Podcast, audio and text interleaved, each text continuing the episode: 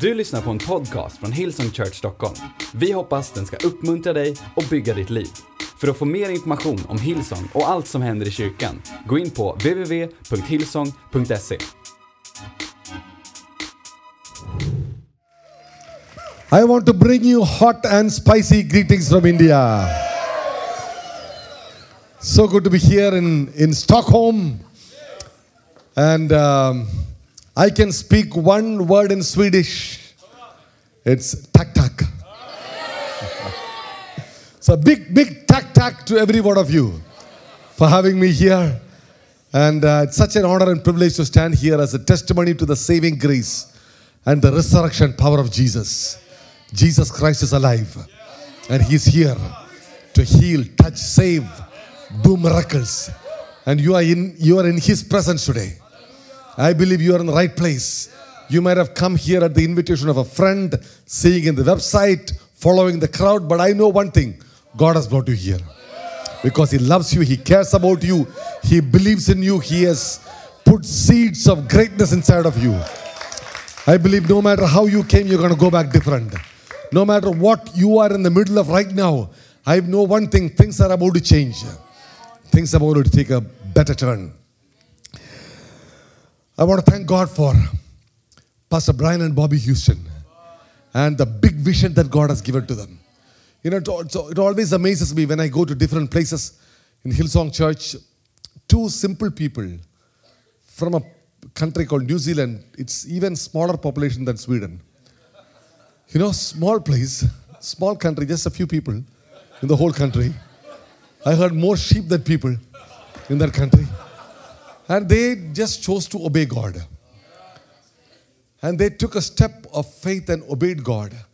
And they dreamed the big, they chose to believe the big dream that God has placed within them, even though, even when they small, lived in a small country. And look at what God is doing. I'm just, I feel so honored to stand here and, and be part of that big vision that God has placed in their heart, in, their in their life, and just to see the fruit of their obedience. And uh, also the obedience of Pastor Andreas and Lina, your lead pastors. I want to tell you, church, God has blessed you with the best. Yes, let's honor them.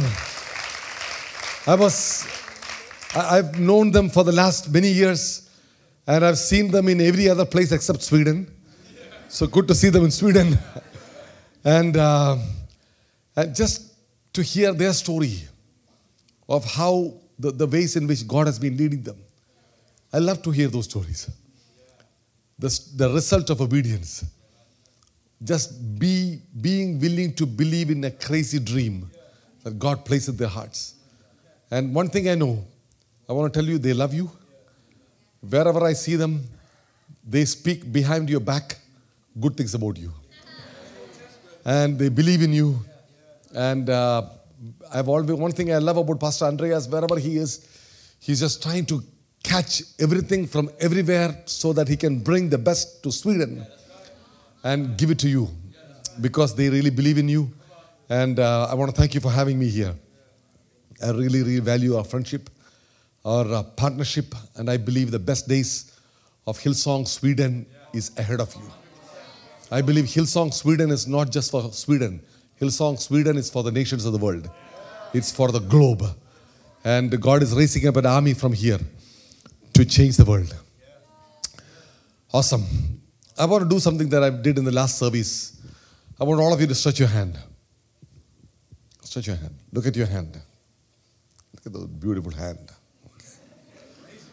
Yeah, amazing. And say loudly with me, I've got long hands. Okay, next time in Swedish, okay? I've got long hands. I believe you said the right thing. You got long hands. Your hands are so long that you're feeding children in Mumbai. Your hands. Every day. Your hands are so long that you're lifting people out of poverty in other nations. Your hands are so long that you're touching people in South America, in Iraq, around the world. How do you do that? How do you get long hands? When you plant yourself in a church that has long hands, your hands are getting longer. When you plant yourself in a church that has a big vision, your world is getting larger. So I want to encourage you get planted in the house of God. Get rooted in the house of God. Sign up to be a volunteer. Get into a connect group. Get regular. Stop being a consumer and start being a shareholder. When you become a shareholder, your life changes. Your family changes. Your studies changes.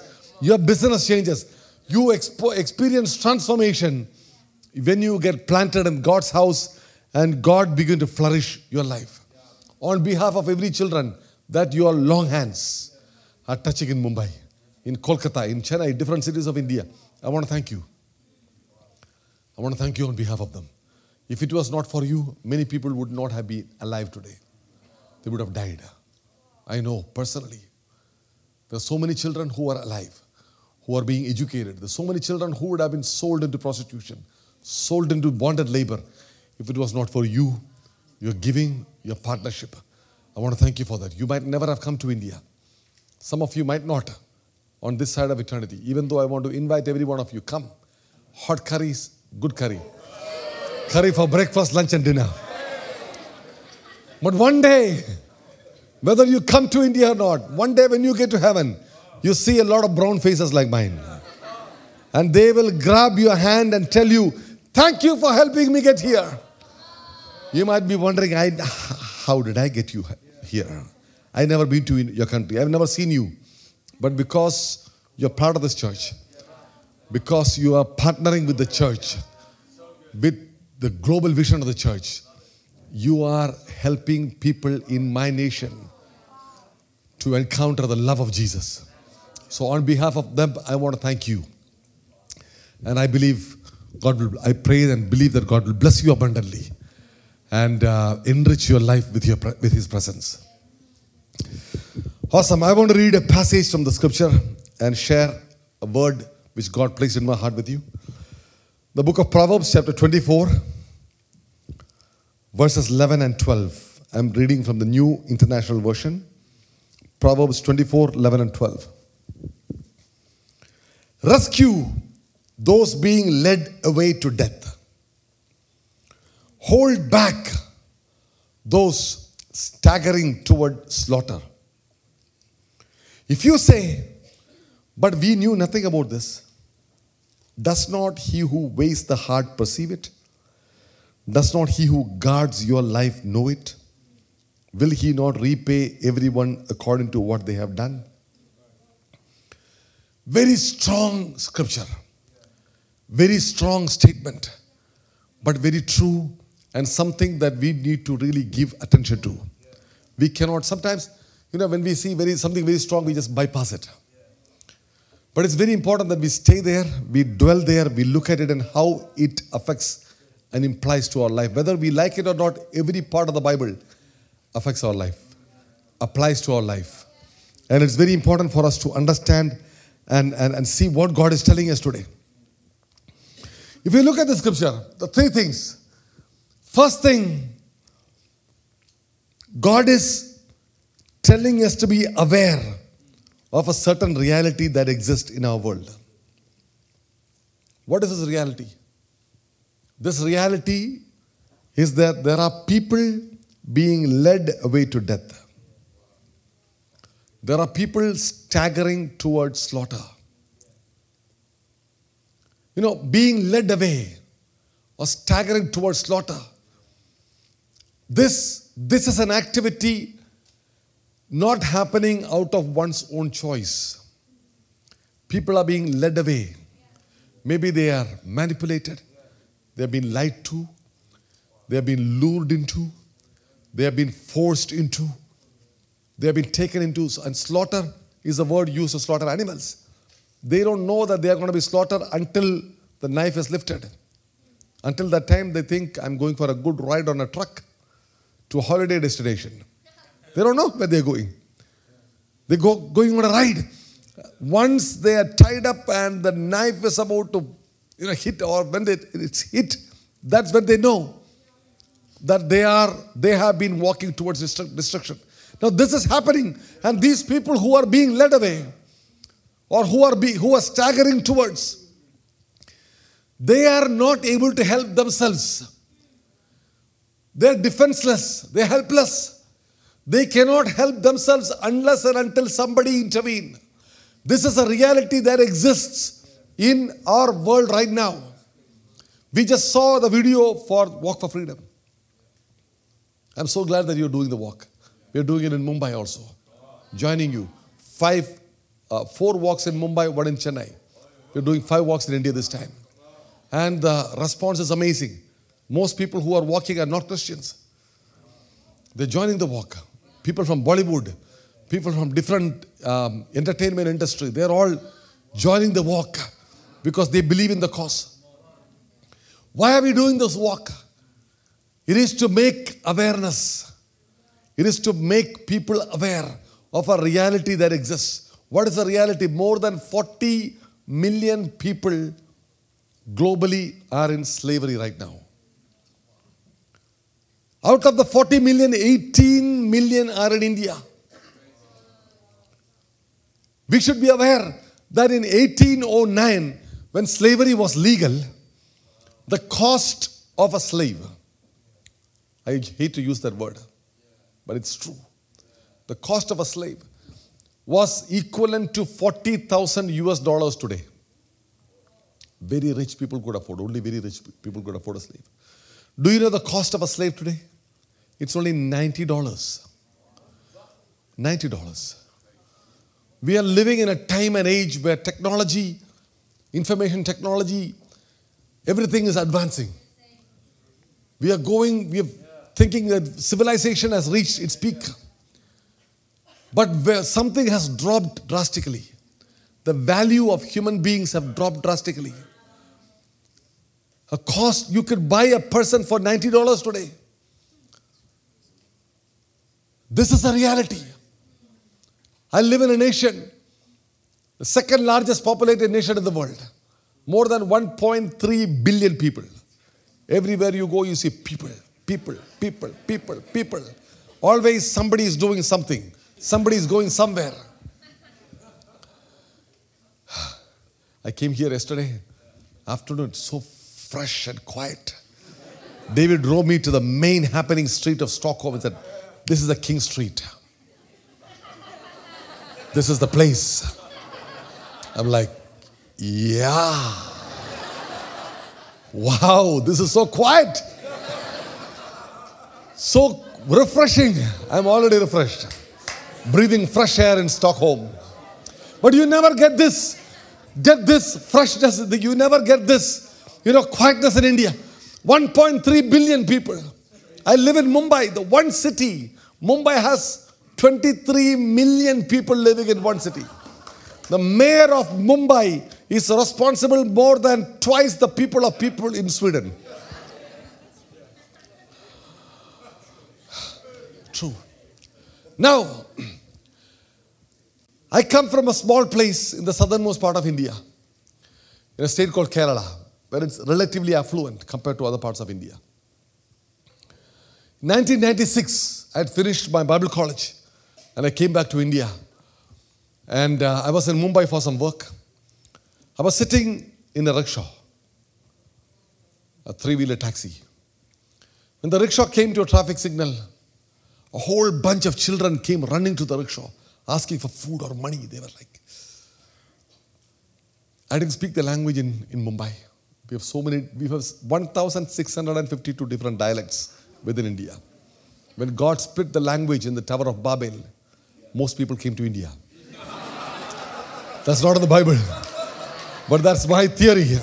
Probably true. It's pretty close to Iraq, yeah. So, so many different languages. It's so easy for me to come and talk to you in Sweden, even though you're two sentences behind with my Indian accent. See, you're laughing late. Then going to some other part of India and talking. So many different languages. No, I didn't speak the language in Mumbai. When these children came, I didn't know what to do. I didn't, I couldn't communicate with them. But one little girl, she looked around six years old. She got my attention. She was, I could, I can see her right in front of my eyes right now. She was skin and bone. Her Eyes were kind of yellow. She, her hair was matted, dry skin. You know, looked extremely malnourished, as if she had not eaten anything for days. And I saw fear in her eyes. I saw hopelessness in her eyes. I didn't know what to do. I took all the cash I had in my pocket, gave it to this child, thinking I was helping her. I was disturbed by seeing that. She really, you know, when the signal turned green, the rickshaw got moving out. Just out of curiosity, I looked back and I saw an older girl coming and snatching this money from her and pushing this child back. You know, I went back to my room. I felt so helpless, angry, frustrated. I thought I was trying to help the child, but I'm not able to help her. God, I began to talk to God. I said, God, if you are good, if you are God, if you are love, if you are all powerful, why do you allow this to happen? Why do you allow this? I didn't hear any answer. Instead, after some time, I heard a question deep in my spirit. The question was, Why do you allow this to happen? Why do you allow this to happen? God doesn't have to send an angel from heaven to feed a hungry child. God doesn't have to send an angel from heaven to give education to children who are uneducated. God doesn't have to send an angel from heaven to be a friend to a lonely person in your workplace, in your school, in your college, in your neighborhood. That is why we are here. That is why God has kept the church alive. But so often we live, we, we live unaware. Number one, we need to choose to live aware. It's a choice that we make. We can choose to live in a bubble. We can choose to live a comfortable life. But when we are aware, all of a sudden we know something, we got to do something. Right? When we know something, it makes us uncomfortable. It disturbs us. Hello. Who said we are, li- we are, we are supposed to live comfortable? It's high time that we learn to get comfortable with being uncomfortable. It makes your life messy. It messes with your life. It messes with your wallet. It messes with your bank account. It messes with everything. You know, you can you can see something but not see it. In Mumbai, when you go, you see so many people li- living on the streets, lying on the streets. They could be drunk on the street. They could be having a nap. They could be dying or they could be dead. But for our own comfort, we like to interpret oh, he must be drunk. He must be having a nap. Because if I stop and go have a look, I will know more. When I know more, when I am aware of something, then it puts me in a different position. I am uncomfortable. It'll probably empty my pocket. It'll change my plan. It'll dirty my clothes, dirty my hands. My life becomes uncomfortable. But let me tell you, Christianity started with a mess. Christianity started at the cross. And the cross of Jesus was a messy place. There was blood, sweat, tears in that cross. It was not a structured place. I would rather be messy and meaningful than structured and purposeless. Friends, that is the life that God is calling us to. Number one, live aware. Number two, second thing is, God is saying there is a command here rescue. Yes, there are people, I want you to be aware, but rescue, hold back. There is a command. And God wants us to align our lives to that command. Live aware. Secondly, live aligned. For your life to be filled with meaning, for your life to make sense in this world, for your life to be filled with purpose every day, we, you and me, need to align our lives to the purpose, to the command, to the call of God, to what is important to God. God's heart reaches out to those children. When I saw that child, you know, it made me uncomfortable. When I found out more, there are about 300,000 children who spend more than five hours a day on the streets of Mumbai. I didn't know what to do. I couldn't speak the language. God began to speak to us through a series of events. God showed me more. The more I wanted to, the more I became aware. The more I saw, the more I got disturbed. God spoke to me and said, If that was your son, and if you had the resource to stop that from happening, if you had the resource to stop your son drinking milk from a dog because he's hungry, if you had the resource to stop your son being taken and sold into a bonded labor, would you do something? I said, God, I will do everything. God spoke to me and said, They are my children, and I do have the resource. You are my resource. It takes your alignment. Me and my wife, we chose, we had no other choice. We, we just, oh, yes, Lord, we are here. We didn't know what we were doing. We went there, get a couple of volunteers. We began to buy some snacks, began to give to children. We had no idea what we were doing. We were like people who jumped into the deep water and learned how to swim. We drank water, drowned, went up and down. That was how we started Vision Rescue. when we were working with about 40 children outside a railway station, Pastor Gary Clarke from Hillsong London came. He told me, Come to London, share with the church what you're doing. And I shared with the church in London, Hillsong Church in London, what we were doing. And the church decided to stand with us. From that time, Hillsong Church globally began to stand with us, and we never looked back. What we started with six children, with a budget of 60 cents, over the last 14 years, with your partnership together, we have been able to provide more than 5 million nutritious meals to children. Many of them would not have been alive. We have been able to rescue so many children who would have been sold otherwise. We have been able to rescue so many children who have been sold, who have been enslaved, who are being ex- uh, exploited every day. This is what is happening. You know, because you aligned. When you aligned your life to God's plan, things begin to change. You become a savior. The title of my message is I'm a savior. Turn to somebody and say, I'm a savior. I'm a savior. Tell somebody, you are a savior. Number three, arise. Arise. God is saying in this passage, it says, You are not here to make excuse. You're here to take ownership. Stop making excuses. Start taking ownership. In the eyes of God, the church is God's government in this world. We are the hands and feet of Jesus in this world. You know, so much of bad things happen in the world, not only because of criminals. So much of bad things happen in the world because of the silence of the church.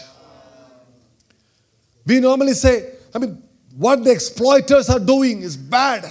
So many people are exploited under slavery, going towards destruction because of criminals, because of people who are doing wrong to them, but not only because of that, also because of the silence of the people who can make a difference.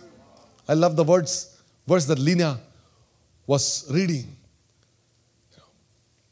Don't, when somebody comes to you, if you can help them, don't say, come back tomorrow.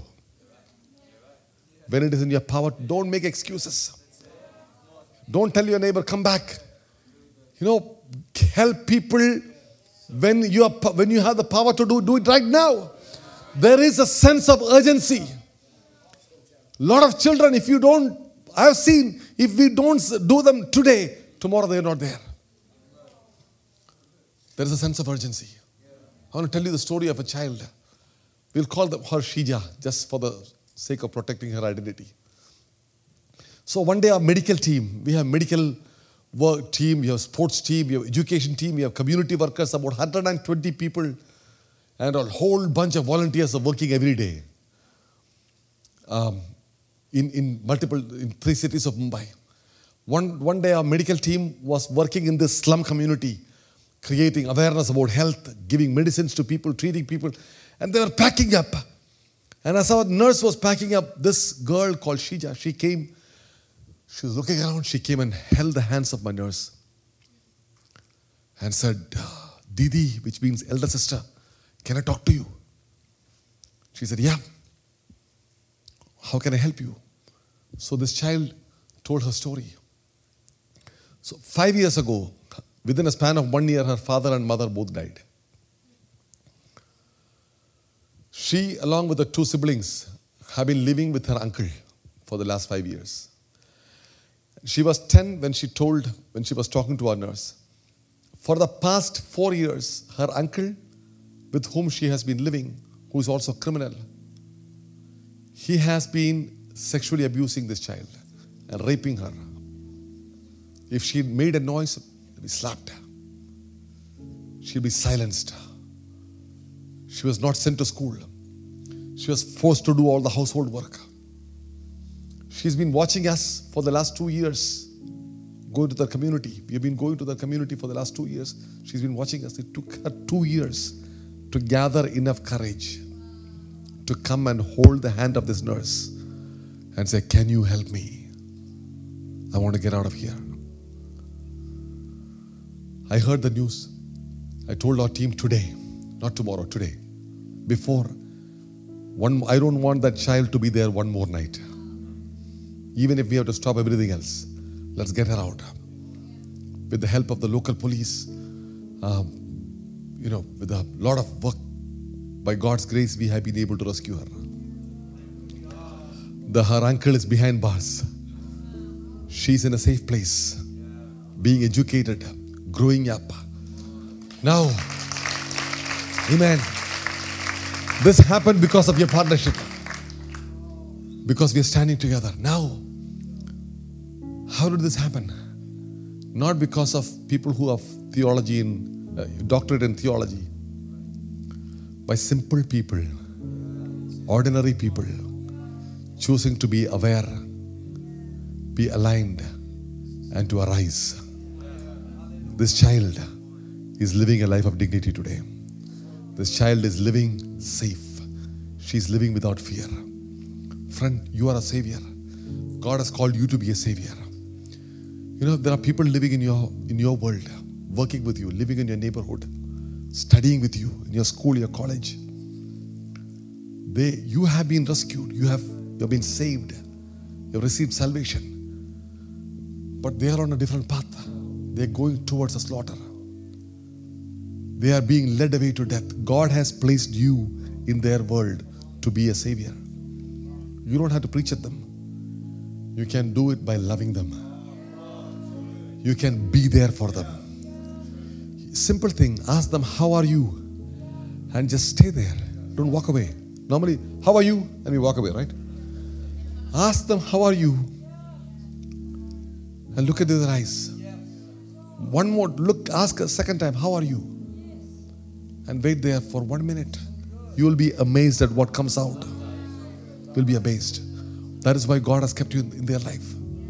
I believe today we can make a decision to rescue those being led away to death, to hold back those staggering towards slaughter.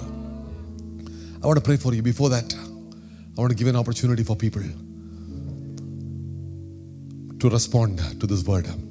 You know, maybe some of you sitting here, you're thinking, Biju, I hear what you're saying, but I am that person who's being led away to death. I feel I'm going on a track of destruction. I've been coming to, to church, but my heart is away from God. I'm lost. I don't, I, I don't have a purpose in my life. I don't know why I'm away, waking up every day. I'm living with guilt of bad things that I've done. There are people here, you're wondering, does God really love me? Can God really use me? Today, God has sent me all the way from India to tell you that He loves you. The Lord Jesus came from heaven to earth. He was born without sin. He lived without sin. but he died like the worst criminal. Why? Because he took your sin on him and he suffered the punishment on your behalf so that you can be free and become a child of God. Enjoy the relationship with God. So, today, how do you enjoy this relationship with God? How do you know that your sins are forgiven? You don't have to go on a pilgrimage, you don't have to spend any money, you don't have to light any candles, you don't have to do anything because it's all been done for you. All you have to do is come to Jesus with an honest, open heart and say, Lord Jesus, I need you. I believe you died for me. I believe you took my place. Come into my heart. Forgive my sins. Be my Lord. Be my Savior. If you would say a simple prayer from the bottom of your heart, heaven will come into your heart. Why don't you all stand together? Take a moment in reverence, in honor to the presence of God. This is a very special moment. Heaven, there's a connection between heaven and earth right now. Your life is getting connected to heaven. There are people's lives about to be transformed. You'll never be the same again. I made that decision many years ago. My life has never been the same. Every eye is closed, every head bowed in the presence of God. If that is you, at the count of three, I want you to lift up your hand to heaven. This is not a religious ritual, just, just hands up, sign of surrender to God and say, God, it's me. Yes, Lord, I need you. Come into my heart. I'm going to count one to three. At the count of three, if that is you, if you want to connect to God, if you want to have your sins forgiven, lift up your right hand to God. And I'm going to lead you in a prayer. One, Jesus loves you. Two, He died for you, He paid the price for you. He rose again, He's alive. He's right here, knocking at the door of your heart. Three, lift up your hand wherever you are. Yes, thank you, thank you, thank you. Wherever you are, lift up your right hand to God. Don't be ashamed. Don't be afraid. This is your moment. Thank you, Jesus. Yes, yes, yes. All over this place, in the balcony, God is speaking to people's hearts. If that is you, I want to lead you in a prayer. Pray this prayer after me from the bottom of your heart. Dear Lord Jesus, I believe that you died for me. I believe that you rose again. Rose again. Come into my heart. Come into my heart. Forgive my sins. Forgive my sins. Be my Savior. Be my Savior. Be my Lord. Be my Lord. From now, From now, forever. forever. In Jesus' name. In Jesus' name. Amen. Amen. Amen. Awesome. Thank you so much. God bless you. We love you. Come on, church. Can we thank Pastor BJ for an amazing preach? Come on, church. Du har lyssnat till en podcast från Hillsong Church Stockholm. Om du vill veta mer om vår kyrka eller om våra söndagsmöten, surfa in på www.hillsong.se.